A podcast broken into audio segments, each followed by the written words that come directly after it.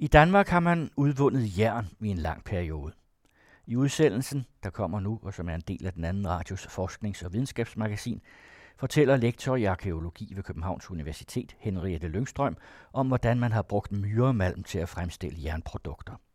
Den periode, hvor man udvinder og bruger myremalm, kaldes myremalms jernalderen. Begynder omkring 500 før Kristi fødsel, fordi det er der, vi har det første jern i Danmark. Og øh, forholdsvis hurtigt så starter vi med at producere vores øh, eget jern af myremalm. Hvis du skal have en øh, slutdato eller slutår på myremalmsjernalderen, så ved du, hvornår reformationen har været. Og det er jo 1536. Og ved at kende årstallet for reformationen, så kender du også nogenlunde året, hvor vi stopper med at producere jern af dansk myremalm. Vi har nogle historiske kilder, der fortæller, at man op i 1600-tallet stadig arbejder med øh, en begreb, der hedder kloder. Og kloder, det er jernsvampe, jernluppe, det, det produkt, man tager ud af jernudvindingsovnen. Og det regner man i. Men i 1600-tallet, der regner man faktisk ikke med, at det har været øh, reelle kloder, men at det har været en regneenhed. Altså man har opgjort, hvor meget skat man skulle erlægge, ikke i kroner og øre, men i kloder i stedet for. Det er nok omkring 100 år før vi slutter med at udvinde jern af myremalmsjern. Så 1536, øh, reformationen, og så samtidig med det, så ved du også, hvornår jern smelter, fordi jerns smeltepunkt er faktisk 1536. Så ved at huske på reformationen, så ved man meget om det gamle jern. Jern er aldrig smeltet i danske jernudvindingsvogne, og det er også en af pointerne. 1536, så mange grader, når vi slet ikke op på i de gamle jernudvindingsvogne. Hele myremalmsjernalderen i Danmark, så har temperaturen i jernudvindingsvogne været under jernsmeltepunkt. Øh, det er ikke støbejern, det her. Det er smidbart jern. Øh, hvis du skal have noget jern, der bliver støbt, så skal du til Kina hvis vi skal være i den danske myremælmsjernalder. Så det er altså smidbart jern, det er ikke støbejern, vi har i Danmarks myremælmsjernalder. Hvad er myremalm? Myremalm, det er et sediment, du kan gå ud og grave op. Det er enten i, i blokke, i, i faste blokke, som man kan faktisk bygge hus af. Hvis du tager op i Nordsjælland, i Højby Kirke, der sidder faktisk blokke af myremalm, ligesom der sidder blokke af kildekalk i det. Så fast kan det være, så man kan bygge af det. Men det kan også være ligesom pulver. Du kender det nok i form af okker, øh, hvor det ligesom er et pulver. Det har en lidt anden kemisk sammensætning, så men i princippet er det det samme. Pointen er, at der er jernoxid i. Altså det er et oxid, vi går ud og finder. Og så ved jernudvindingsprocessen, der skal vi fjerne ilten. Oxiden skal væk. Vi skal reducere det, så vi får det rene jern ud. Og det er det, der sker i jernudvindingsovnene. Du har sådan en øh, klump myremalm. Det ligner sådan en lille øh, rusten sten med nogle øh, huller i. Det gør det. Og det er jo så den faste form, der ligger her på bordet. Det er en af de klumper, som du kan forestille dig, hvis den var lidt større, så kunne man faktisk bygge af den som byggemateriale. Den kunne man sagtens øh, håndtere. Og den øh, kan ikke komme i en jernudvindingsovn, som ser ud her på bordet. Den skal ristes først. Al myremalm er jo dannet myre, myremalm. Du kan ligesom høre det, at det er dannet i under våde omgivelser. Det kan være dannet i en mose for eksempel. Og så kommer der jo masser af organisk materiale med ind i dannelsesprocessen. Så du vil se, at de her huller, du siger her, der er i den her klump, og det er jo helt rigtigt, de kan være meget større. Og det kan være i virkeligheden gemme, der ligger plantedele, plante med organisk materiale indeni. Og det kan du få fjernet ved at riste dem. Du laver simpelthen en spejderbål stor spejderbål, og så lægger du dine klumper af myremand på det her bål. Og så øh, tænder du bålet, og det kommer op på en 600-700 grader. Og øh, så øh, sker der to ting. Der sker dels noget fysisk med myremalmen, som du kan se med dit blotte øje, og så sker der noget kemisk i hjernet, eller inde i myremalmen. Og det er, at det bliver renere på en eller anden måde. Altså rent kemisk renere. Det bliver nemmere at få øh, starte en reduktionsproces på. Men rent fysisk sker det, at den skifter farve, og så bliver den magnetisk. Du kan simpelthen tage en stangmagnet op af din baglomme, og så kan du stryge sådan en ristningsbål, så hopper det op som små spåner ligesom på din magnet. Og det er jo rigtig, rigtig godt, fordi når du er ude og grave i marken, og finder et sted, du har mistanke om, at der kan være foregået en jernudvinding, så kan du faktisk have din magnet i baglommen. Og uden at penge til dyre videnskabelige analyser eller laboratorieanalyser, så kan du stryge det sted med din magnet, og så kan du se, om det hopper op. Så er det ristet myremand. Og det kan jo selvfølgelig være, at det er et hus eller et lager, der er brændt med myremand. Ikke? Men sandsynligvis så er det i forbindelse med jernudvinding, det her er sket. Forristningspladserne de ligger tæt ved jernudvindingsovnene. Myremand var rigtig tungt. Kan du ligesom fornemme, når sådan en lille klump her vejer til. Ikke? Det er et rigtig tungt materiale, så du har nok ikke slæbt det så meget. Hvad har man så mere gjort? Efter du har ristet myremalmen, ikke alene så øh, ændrer det farve, og det bliver magnetisk, men det bliver også mere porøst. Det vil sige, at du kan knuse det med dine hænder. Og eller, hvis det er hårdt, så kan du lige bruge en sten til at slå på det. Det, det er ikke svært at slå i stykker. Når du knuser det, får det jo selvfølgelig en meget større overflade. Og så går reduktionsprocessen i ovnen hurtigere. Det vil sige, at det er en fordel, hvis du knuser det i hvert fald til sådan nogle mm, hasselnøde store stykker. Og så samtidig så kan du fjerne alle sten. Der er tit, der ligger sådan nogle små sten, og flint skal der jo især ikke være, når du putter det i jernudvindingsovnen, fordi flint springer, når det bliver varmt. Så det kan godt være lidt farligt. Men sten, det tager du så væk, og så putter du dine små stykker der, dem samler du så, og så er du klar til selve jernudvindingsprocessen. Og den foregår på den måde, at du i forvejen har bygget en ovn. Og øh, de gamle ovne har vi jo. Ovnbundene er i flere tilfælde bevaret i det arkeologiske materiale. Så i hvert fald det nederste af ovnene kan vi rekonstruere forholdsvis øh, nemt. Først varmer du ovnen op, og så hælder du så dit øh, myremand i ovnen. Og så er der sådan set ikke andet at gøre end at vente. Og så øh, begynder slakken på et tidspunkt at løbe ud af ovnen og så dannes det faste jern inde i ovnen. Men det vigtige ved de tidligere, altså de processer, der sker i det, man kunne kalde myremalmsjernalder i Danmark, det er, at jernet jo ikke flyder. Altså i moderne højovnsproduktion, der taber du to fraktioner af ovnene, nemlig den flydende slagge og det flydende jern. Her der er det det flydende slagge, der løber fra det faste jern. Og så ligger jernet som sådan en... Jeg kan egentlig godt lide det gamle ord jernsvamp, hvis du forestiller dig sådan en gammeldags badesvamp, det ligner det faktisk, der ligger. Øh, så begynder du at slå på det, og så ændrer det selvfølgelig form. Ikke? Men det ligner, når det bliver dannet ind i ovnen, kan det godt ligne sådan en gammel badesvamp, der ligger derinde. Så en jernsvamp ligger inde i ovnen til dig. Slangen, den øh, har du så også her. Altså slakken løber så ud af ovnen, eller den løber ind i en, ned i en gruppe, der ligger under ovnen. Slangen skal væk. Det er affaldsproduktet. I den gamle jernhåndtering, der er adskilt slakke og jern ikke fuldstændig. Der er jern i den her klump slakke, jeg holder her i hånden. Der vil stadig være jern i den. Og ligedan er der jo stadig øh, slakke i det gamle jern. Så noget af det, der adskiller myremalmsjern fra moderne jern, det er jo, at der er slakker i stadigvæk. Og lige den er der jern i slakken, og den kan man jo så spore rent magnetisk selvfølgelig. Hvis man går med magnetometer, så kan man mærke, hvor der er slak under jorden. Men man kan også simpelthen finde slakken på udgravninger. Med et blåt øje kan man jo se, at her ligger en slakke. Og øh, den slag, jeg holder i hånden i øjeblikket, den har sådan et løb på overfladen. Det ligner næsten sterin, der er løbet fra et lys. Og øh, der kan man se, at slangen den har fart på, da den er størknet. Den er løbet ud af en ovn. Og hvis jeg så vender den om, så kan du også se, at den har sådan en bule her på undersiden. Altså den er størknet i et løb. Du kan ligesom forestille dig sådan en lille rende, der har været ud af den her ovn hvor slakken er løbet ud af ovnen. Og det her bliver så vippet op. Altså det er de gamle smeltemestre er jo ikke interesseret i sådan noget som det her. Hvad skulle de bruge det til?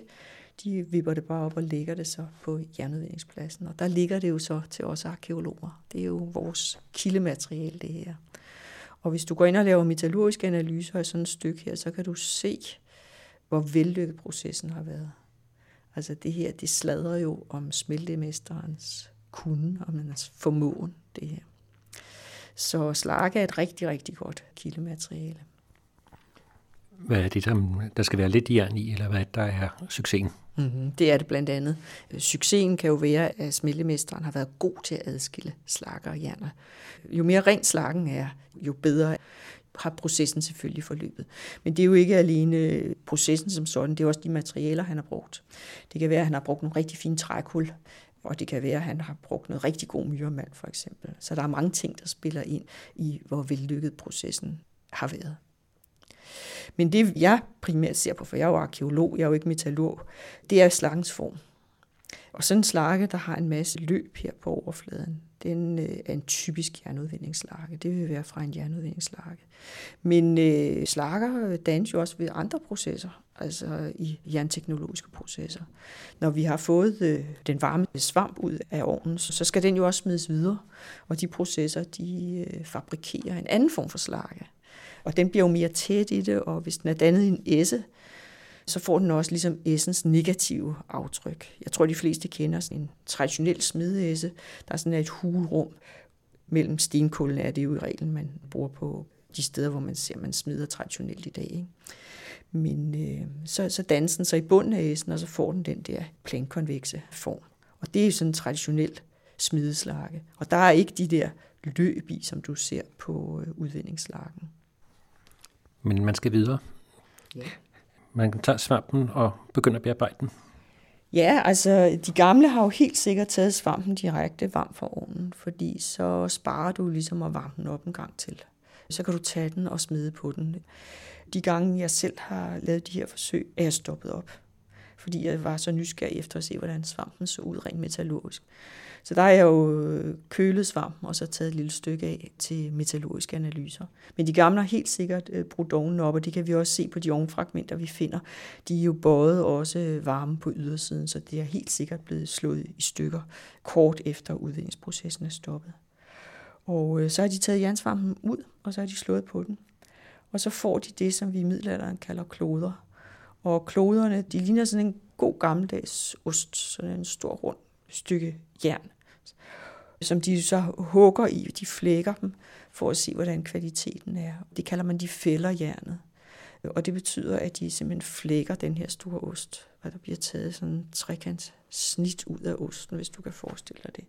Og det kan de gøre én gang, eller de kan gøre det to gange, eller de kan gøre det tre gange. Og hvis de gør det tre gange, så får du ligesom fire fingre, der går op.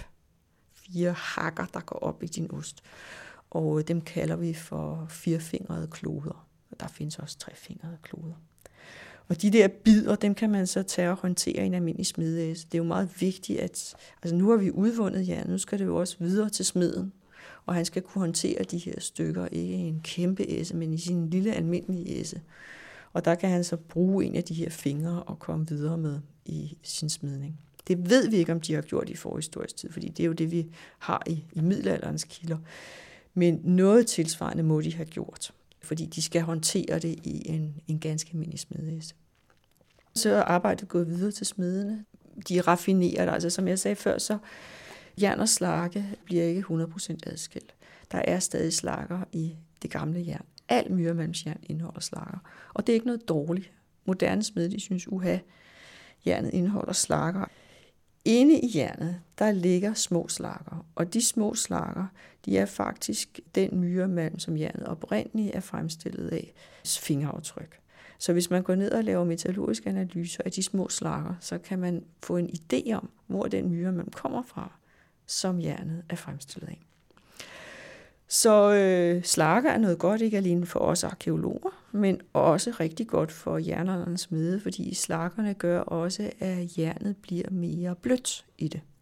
Det er noget helt andet at slå på myremalmsjern, end det er at slå på moderne halsjern. Smeden skal ikke slå så hårdt, og han kan bruge en lettere hammer. Det er også mere elastisk i det. Når man slår på moderne jern, kan man hurtigt få meget ondt i armen, albuen, øh, fordi hammeren slår igen. Men øh, myremalmsjern, det er blødt, og det absorberer slagene helt anderledes. Så man bliver ikke så træt af at slå på myremalmsjern, så det har været et mere behageligt materiale at arbejde med. Det er også mere klistret end øh, moderne handelsjern. Det vil sige, at det svejser ved en lavere temperatur. Altså hvis du skal lægge to lag jern sammen, så øh, klistrer det på en anden måde end moderne handelsjern. Så på den måde skal du ikke helt så højt op i svejsetemperatur, som du skal med moderne handelsjern.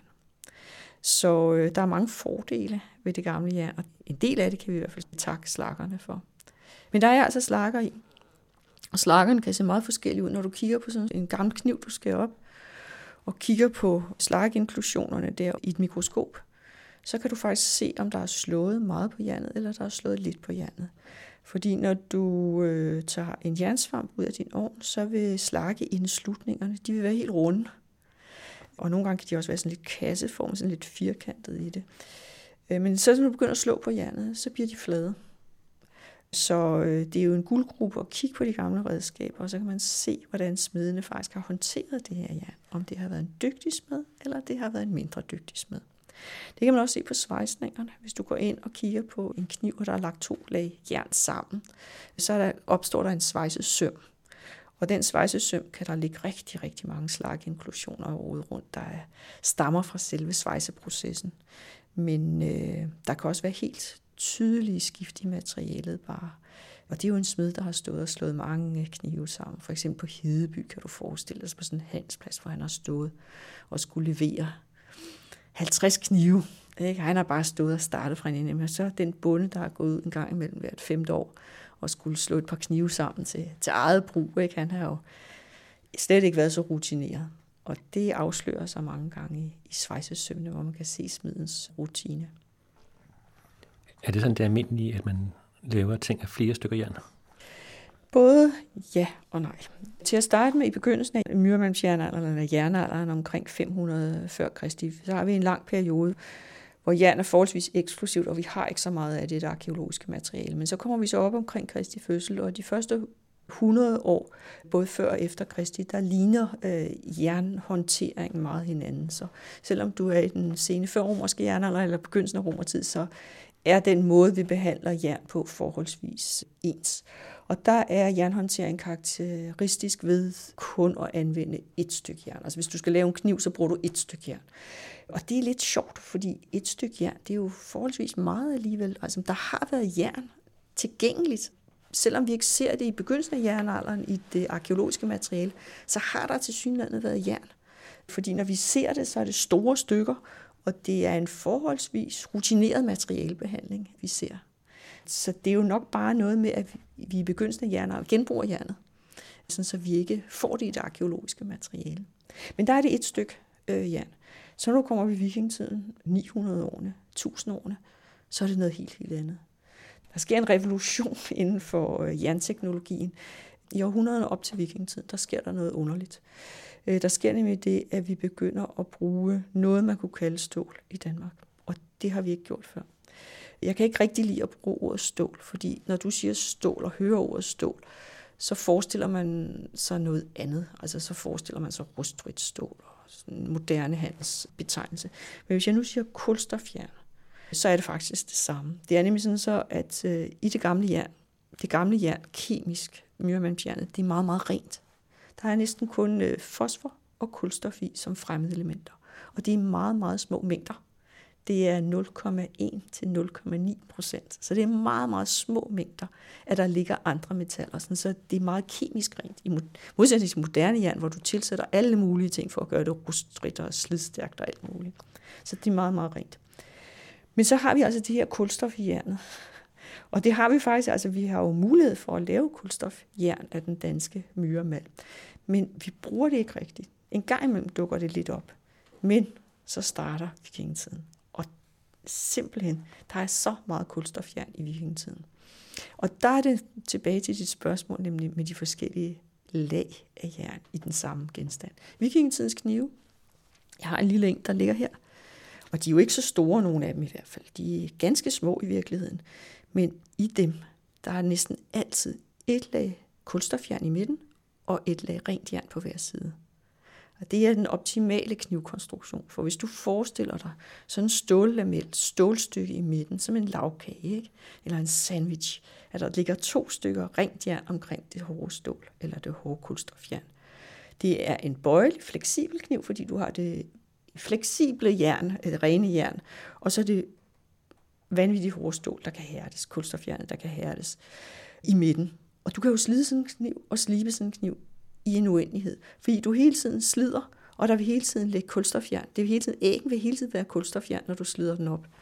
Så mange af de knive, vi finder i vikingetidens grave, det er jo nogle usle små knallinge, de har haft med, men de har været en god kniv alligevel. Det har været en kniv, der bare er brugt. Det har været, virkelig været den kniv, man fik, da man var... Ja, hvornår fik man kniv i vikingetiden? Danmarks vikingetid, den har myldret med små børn med rigtig, rigtig skarpe knive. Der er rigtig mange børn, der bliver begravet, også i vikingetiden, med skarpe knive. Det er jo ikke noget, vi taler så højt om i dag med små børn og skarpe knive. Det er jo nærmest en forbrydelse at pakke selv den mindste morakniv ind i, i gavepapir i dag, ikke? og give til en børnefødselsdag. Det skal man jo virkelig gøre så mange etiske overvejelser omkring. Men dengang har børn altså gået med fuldt funktionelle, meget skarpe knive i, i billedet.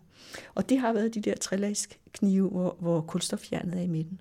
Og det er jo også nogle, man har stået og smidt sammen nede på Hedeby, hvor de har lavet den slags smide en produktion, simpelthen en serie, må vi forestille os. Og de er meget, meget ensartede tit, at man, man har de der knive. Så øh, i vikingetiden, ja, flere lag øh, jern, absolut, og flere kvaliteter af, af jern også. Men tidligt i, i perioden, så ser vi ikke øh, kulstofjernet.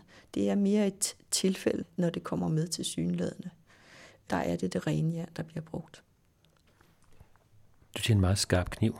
Det vil sige, at den også kan sammenlignes med en moderne kniv i forhold til kvalitet. Det kan den fuldt ud.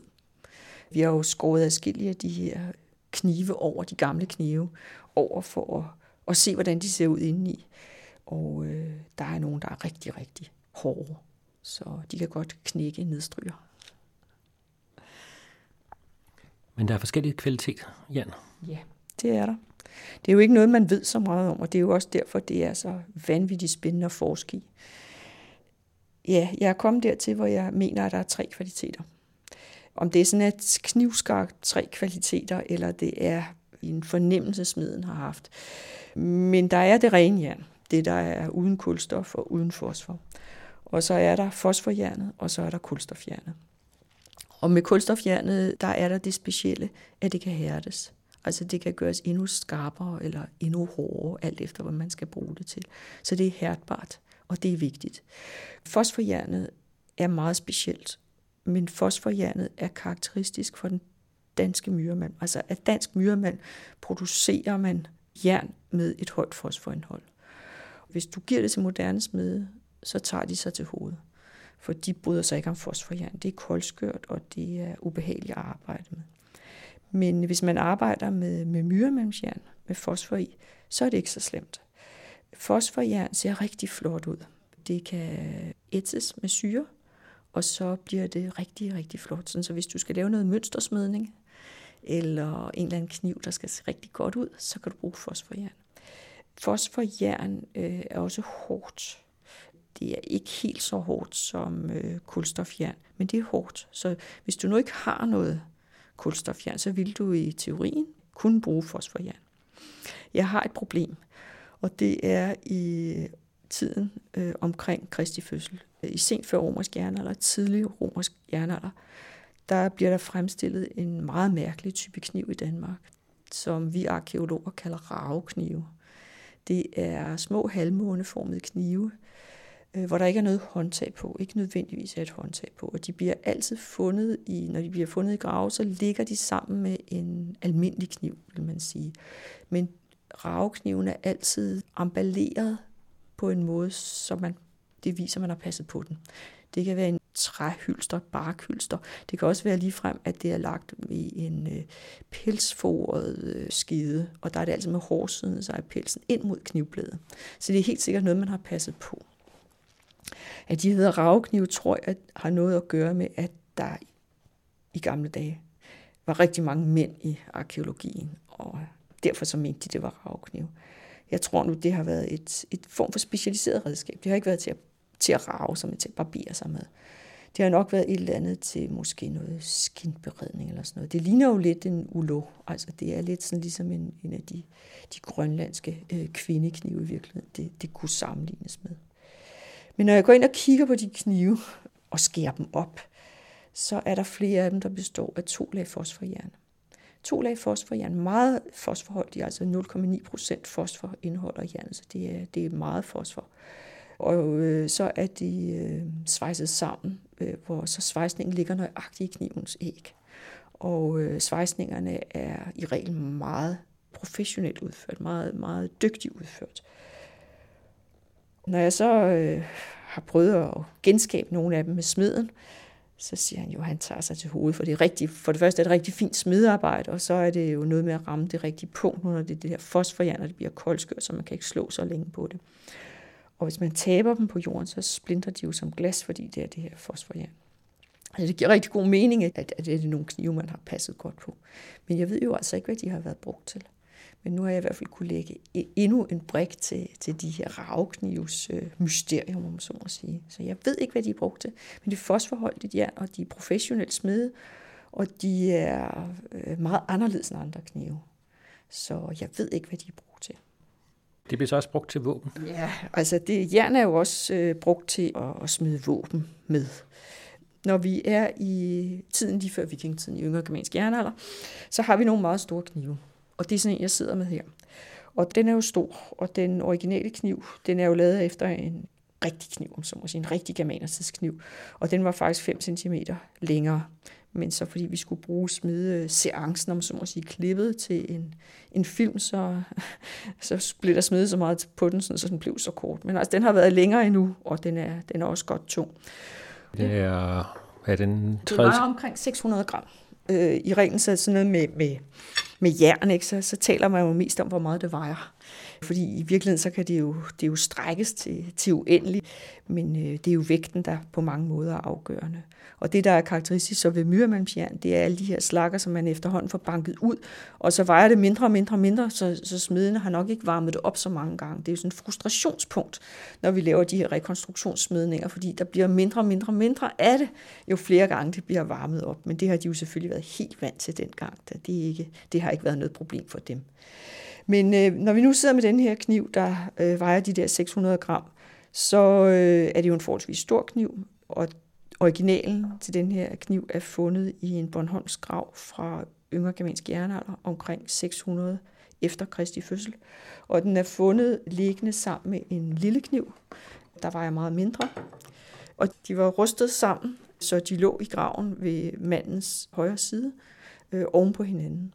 Så det tolker jeg som om, de har ligget i en dobbeltskede. Øh, han er ikke den eneste, der ligger med sådan et knivsæt. Det er, der, det er der mange, der gør på det her tidspunkt. Så han har nok haft en, en dobbeltskede. Og så ved den anden side, der har han så brugt sit svær, sit enægget svær. Så han har altså haft et knivsæt med en forholdsvis stor kniv, en lille kniv, og så har han haft sit enægget svær ved den anden side. Når jeg går ind og kigger på den lille kniv, den store kniv og sværet rent metallurgisk, så øh, er sværet faktisk ikke meget længere end kniven, men det er noget helt andet jern. De to knive er smedet på samme måde. Altså, du kan sige, at den, den store kniv, bare en forvokset lille kniv, den er smedet på samme måde af et stykke ferritisk jern, rent jern. Mens sværet er helt anderledes. Sværet er smedet af stål, blandt andet. Altså der har du kulstofjernet lagt sammen med det rene jern. Så det er en helt anden smedeteknik, der ligger til, til grund for det. Så derfor kan, man, kan vi sige, at de her store knive, som selvfølgelig godt i en trængt situation kan være brugt som et våben, det kan jo selv den, den lille kniv selvfølgelig, men det er ikke smedet som et våben. Det er en helt anden teknik, der ligger til grund for det. Det, det er smedet som en kniv, mens sværet, det er helt klart tænkt som et, et våben. Og det er karakteristisk på det her tidspunkt i yngre germansk jernalder i tiden op til vikingetiden, at der har vi kulstofjernet i våbnene, men ikke i, i knivene. Så kommer vi op i, i vikingetiden, og så får du det også i knivene. Så våben er også smidet af myrmandsjern. Hvad har man så brugt sådan en kniv til? Ja, det er jo et godt spørgsmål. Den er jo meget tung, og den har en forholdsvis øh, bred ryg. Jeg ved jo ikke, hvad den har været brugt til, men den har højst sandsynligt været multifunktionel. Altså den har både været brugt som øh, et stikke, skære, forskære, jagtkniv kan det jo også have været. Men det kan også have været noget til at, at slå, altså hvor man brugte ryggen til at slå, ligesom manchete, ligesom kom frem i, i landskabet måske. Hvad kan et svær bruges til? Altså svær øh, og sværsmidning er jo et kæmpe emne. Og det kommer meget an på, hvordan kulstofjernet ligger i sværet, hvordan det er tænkt til at bruge. Fordi man kan jo også forestille sig, at der er specielle svær, ikke alene i form, men også i jern, der er velegnet til at bruge, hvis man sidder på en hest. Og det kan være, der er specielle svær, der er velegnet til at penetrere for eksempel ringbrynjer. Det er jo sådan, som med sådan noget våbenteknologi, det, det følger jo hele tiden hinanden, finder vi en eller anden form for dækvåben, ikke, så udvikles en form for angrebsvåben, der, der er ny. Men det afhænger alt om, selvfølgelig om det er enægget eller tvægget, det her svær, og hvor stålet ligger. Altså stålet skal jo gerne ligge i, i æggen selvfølgelig. Og det er også helt tydeligt på de svær, jeg har kigget på, at øh, man har vidst, hvor man skulle ligge stålet hen. Det har ikke været i, i midter øh, ribben, vel, men det har været i, i ægne, alt efter om det var enægget eller tvægget. Her kommer noget af det der øh, fosforjern også i spil, fordi øh, mange af de klinger, øh, vi har blandt andet fra vikingetiden, de er det, man kalder mønstersmede. Og det betyder, at der ligger et mønster, der skal se godt ud. Det har ikke nogen funktion som sådan. Og der kan man bruge fosforjernet, ligesom når du laver øh, bolcher, øh, så vikler du forskellige slags farvede øh, bolsjemasse sammen. Sådan kan du også vikle forskellige typer jern sammen. Og så kan du skære sådan nogle små bolsjer ud og lægge på din øh, svære klinge. Og så kan du så svejse dem fast, så de får et, et flot mønster. Og så netop hvis du bruger øh, fosforjernet, der jo er, har den her flotte syltglinsende farve, så kan du få sådan en flot overflade med palmetter eller ruder eller romper eller et eller andet, så det ser rigtig blæret ud. Det har i hvert fald været det, det, de flotte svær. Så på den måde har man også brugt jernet. Det har ikke kun været funktionelt. Det har også haft en eller anden statusmarkering eller noget. Ja. Og det har været kostbart? Ja, det har det jo helt sikkert været. Det har det helt sikkert været. Når du læser om mønstersmede klinger, så læser du tit, at det har taget rigtig lang tid at fremstille sådan en mønstersmede klinge. Men alle de forsøg, der, eller mange af de forsøg, der er lavet, de er lavet med moderne handelsjern hvor man altså har brugt moderne handelsjern med et højt indhold af fosfor, et moderne handelsjern med et overregnet ferritisk, altså rent jern. Ikke?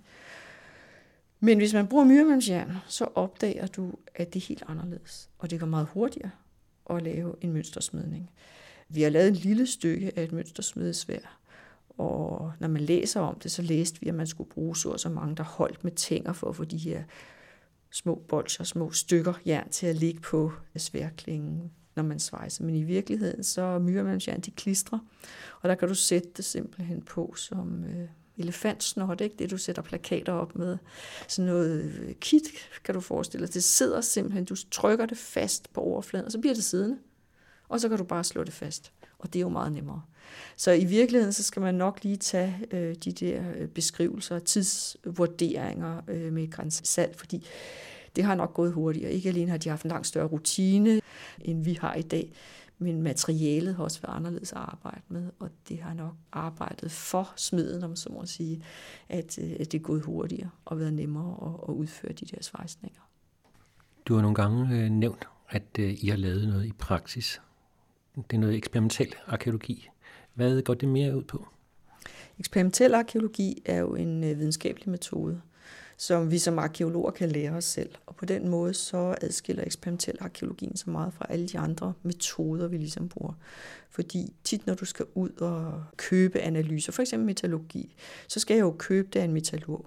Men eksperimentel arkeologi, det er jo noget, jeg selv kan gøre. Og jeg kan selv prøve. Eksperimentel arkeologi har jo en meget, meget lang tradition i Danmark. Allerede sted, der var bygget hytter af, af tømmer med, med flintøkser i slutningen af 1800-tallet.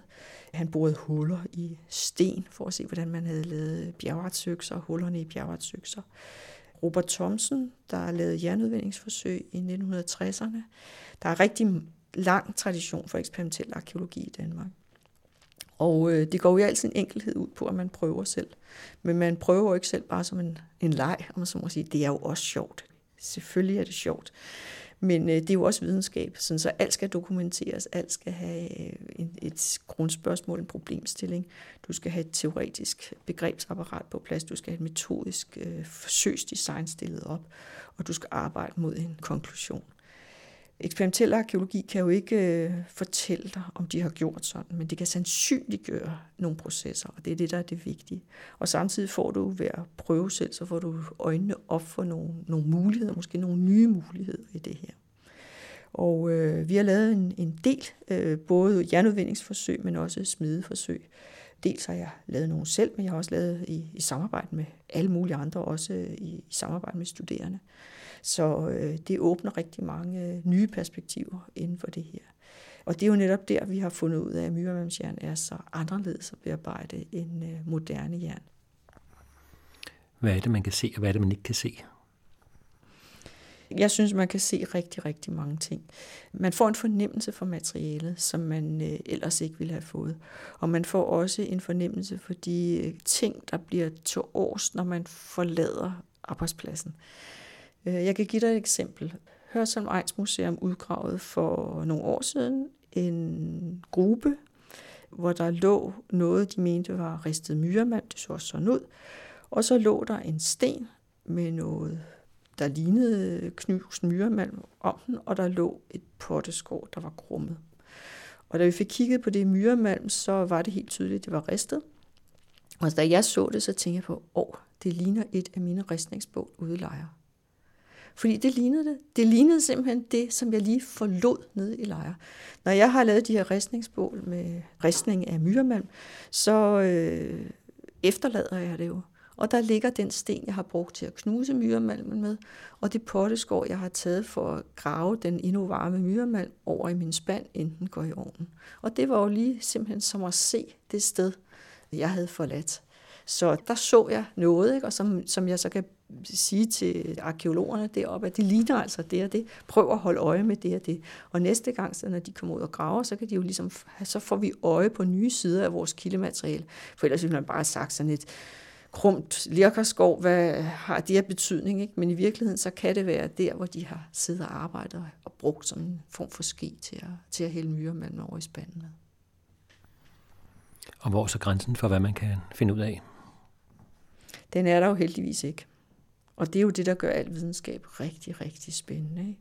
Og det er jo derfor, det overhovedet er, er sjovt at beskæftige sig med arkeologi og bliver ved med at være sjovt. For grænserne skubber sig jo hele tiden da jeg startede på det her, så talte man om, at der slet ikke var jernudvinding på Sjælland, eller den i hvert fald var meget beskeden.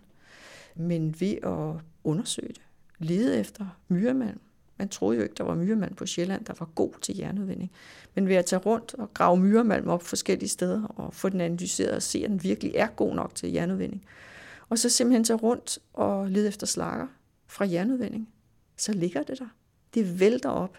Så øh, der er masser af jernudvinding på Sjælland, og der bliver brugt masser af, af jern, der er produceret af myremand på Sjælland. Det bliver ikke alene brugt på Sjælland, det bliver til synligheden også brugt i Vestjylland og i Skåne og på Bornholm. Så på den måde kan man blive ved med at stille nye spørgsmål, og forhåbentlig også få nogenlunde svar på det i hvert fald. Sådan en forskel på datiden og nu, det er, at du er ikke smed. Du har ikke stået i flere generationer og lavet noget med jern. Hvad, hvad giver det her forskel? giver store forskelle. Når jeg laver eksperimenter, så samarbejder jeg også altid selv med smide. Selvfølgelig er det sjovt at smide selv, men det kan jo ikke være lille mig, der står og, og slår chatter med en hammer. Vel? Du skal jo have en smed, der er vant til at slå på jern. Og problemet for mig er jo, at jeg kan jo ikke spørge nogen i jernalderen, hvordan de gør. Jeg kan ikke få en jernaldersmed til at hjælpe mig med det her. Så jeg må få nogle smede, der er vant til at SS-svejse, altså smede, der arbejder traditionelt, til at hjælpe mig. Jeg kan også gå ud og se, hvordan smede i andre samfund smider, eller andre lande og andre, under andre betingelser øh, svejser og smider. Det kan man også gøre. Det er jo det der med at lave analogislutninger. Det kan man også sagtens gøre. Men der skal man altid være opmærksom på, at det er jo helt andre omstændigheder, om som må sige, de har smidt med i, øh, under i, i jernalder og vikingtid og middelalder. Og noget af det, der også gør det svært, det er jo, at, at håndværket udvikler sig. Altså det er jo en, ja, når man taler stenalderforskning, hvor man arbejder i årtusinder, tusinder, så er det jo selvfølgelig en forholdsvis beskeden tidsinterval, jeg arbejder med, men det er immer væk 2.000 år, jeg arbejder med. Altså i 2.000 år har de her øh, smede udvundet jern og smedejern af dansk myremalmsjern, Og der er jo rigtig stor forskel på den erfaring, som øh, den første smed i Danmark, hvis vi kan kalde ham det, har haft, og så den smed, der har stået i middelalderen eller vikingtiden, og haft næsten 2.000 års erfaring at trække på. Så håndværket ændrer sig jo også over tid, så der er også en akkumuleret viden på en eller anden måde.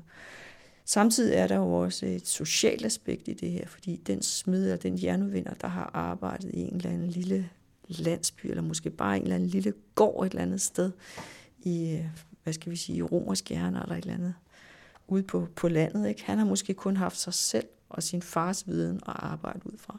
Men den smed, der har stået på en af de store markedspladser i, i vikingetiden, han har jo haft et internationalt netværk at kunne trække på og samarbejdet, eller i hvert fald vidensudvekslet, vil vi jo sige i dag, ikke? Øh, med smede fra hele verden faktisk. Så han har jo haft en helt anden erfaring at, at trække på. Og så er der også det økonomiske aspekt i det, og det politiske aspekt, ikke? fordi man kunne forestille sig, at nogen smede, altså man må forestille sig, at de her ressourcer over tid ikke har været hvem som helst. Altså der har været et eller andet form for ejerskab til de ressourcer. Og til jernudvinding, der bruger man rigtig meget træ. Så der er nok gået rigtig, rigtig meget øh, skov meget træ til det her. Og man kan forestille sig i hvert fald omkring de store jernudvindingspladser, at det virkelig har kunne ses på skoven. At man simpelthen brugt så meget træ til trækul, så det har været et indgreb i, i skoven. Og der har jo, skoven er jo ikke bare skov, om så må sige. Det er jo nogens skov. Så der har jo sandsynligvis været nogle klausuler på det her. Og så må man også forestille sig myremalmen. At det, at, at var myremalmen alles? Det ved jeg ikke. Det kan jo have været nogens, om så må sige. Hvis vi gerne vil se, at det er bunden, hvis det er bunden, så har han jo kunne gå ud og tage, om så må sige. Altså hvis vi forestiller os en bonde, bondekultur. Vi opfatter en bonde som en, der bedriver landbrug. Men i forhistorisk tid, eller i tidlig middelalder, er det jo mere brug af land. Det er jo ikke landbrug. Sådan så bønderne har nok brugt alt, hvad der var inden for deres område, om så må sige.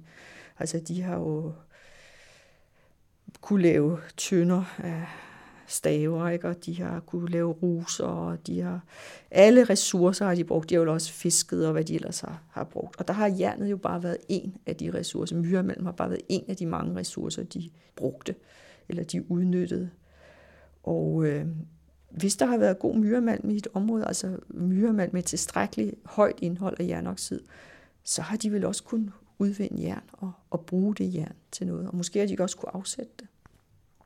Altså en almindelig landbruger? Ja, hvis vi øh, forestiller os det scenarie. Men det har jo heller ikke været det samme scenarie i, i før romersk jernalder, end det har været i, i vikingetid. Og ligedan har det jo heller ikke i byen og i nærheden af de store centre har det jo også været, været noget andet. Man kan også forestille sig, at af den økonomiske magt, altså den politiske magt af en eller anden høvding, konge, har, har ligesom haft bestemte interesser i jernproduktionen. Og der kommer vi jo lidt tilbage til våbnene, fordi man kan jo godt forestille sig, at, at der er nogle jernkvaliteter, der har været mere eftertragtet end andre, og var der nogle områder med god myremalm netop til at fremstille fosforjern, så kunne det jo godt være, at der sad nogen i nogle områder uden for Danmark, der havde brug for noget fosforjern til nogle mønstersmedeklinger, der var interesseret i at aftage noget, og så var det måske en eller anden stormand, der sad på de ressourcer og beordrede nogle smide jernudvindere til at lave lidt, netop det produkt, som han kunne tage med ud i verden og bytte til noget andet attraktivt. Er der så nogen mulighed for at få det bekræftet? Ja, ja, det er der selvfølgelig. Det er der. Helt sikkert, fordi man kan jo, som sagt, indeholder jernet jo slakker. Og de slakker sladrer om hvor den myremalm, det stykke jern er gravet op, stammer fra. Så på den måde har vi en mulighed i hvert fald for at få en idé om, hvor jernet havner. Og der må vi sige, at øh, det ser ud til, at det meste jern i Danmarks øh, fortid faktisk øh, havner nogenlunde tæt på, hvor det er gravet op. Der er undtagelser. Der er blandt andet en sjov kniv op fra Nordjylland. Der lå en kvindegrav dateret til omkring 50 øh, før Kristi fødsel, der så meget specielt ud. Øh, da jeg fik den analyseret, så opdagede jeg, at det var ikke dansk myremalmsjern, det var jern fra Tyskland, også det sydlige Tyskland, der lå i den her kniv. Men til gengæld så var den smede, som smedene ville smide de nordjyske knive på det her tidspunkt. Så måske er det en anden, jeg tænker lidt på, om smeden måske allerede på det tidspunkt har bevæget sig, altså været på, kan man sige, på valsen, og så været rundt i Europa. Hånden. De gode smede har været rundt og lært smidning rundt omkring, og så har taget noget jern med hjem og fremstillet den her kniv, som de nu gjorde i, i Nordjylland på det her tidspunkt. Så der har nok været en, en stor mobilitet kan jeg forestille mig. Men øh, det meste jern, og nu afhænger det selvfølgelig af, hvad det er, man, man har undersøgt, fordi man går ind og undersøger knive, som jeg har gjort. Det er jo nok en af de genstande, der ikke flytter sig så meget.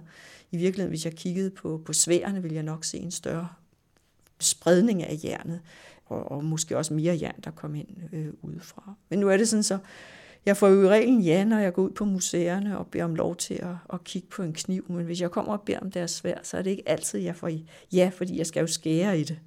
Der skal bruges omkring 2 mm, øh, som jeg tager ud af, af knivene. Og så øde, selvom de kan sættes pænt sammen, så, så ødelægger man jo alligevel øh, genstandene. Så det er derfor, jeg i første omgang i hvert fald har valgt at slå mig på knivene, fordi dem får jeg i reglen ja, når jeg, når jeg beder om at få lov til at undersøge. Men jeg er helt sikker på, at hvis man kigger på sværene, vil det nok være noget andet. Og dog, jeg har kigget på vikingetidens stibøjler. Vi begynder at bruge øh, øh stibøjler i jern i dansk vikingetid. Og øh, stibøjlerne er øh, i regel faktisk smedet af, af myremalmsjern. Så det er altså ikke noget, der kommer ind udefra. Altså det er ikke noget tysk malm eller, eller svensk eller norsk malm, der kommer ind der. Det er dansk myremalmsjern, de bliver smedet af.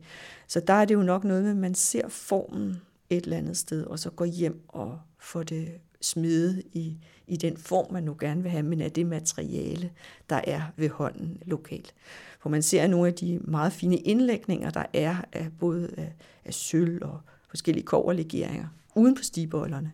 Det er jo så helt flot og helt eksotisk, om så må sige. Men jernet, det er, er myremalmsjern, det der er inde i. Så selve skabelonen til stibollen, den er altså lokal. Udsendelsen var tilrettelagt af Henrik Moral.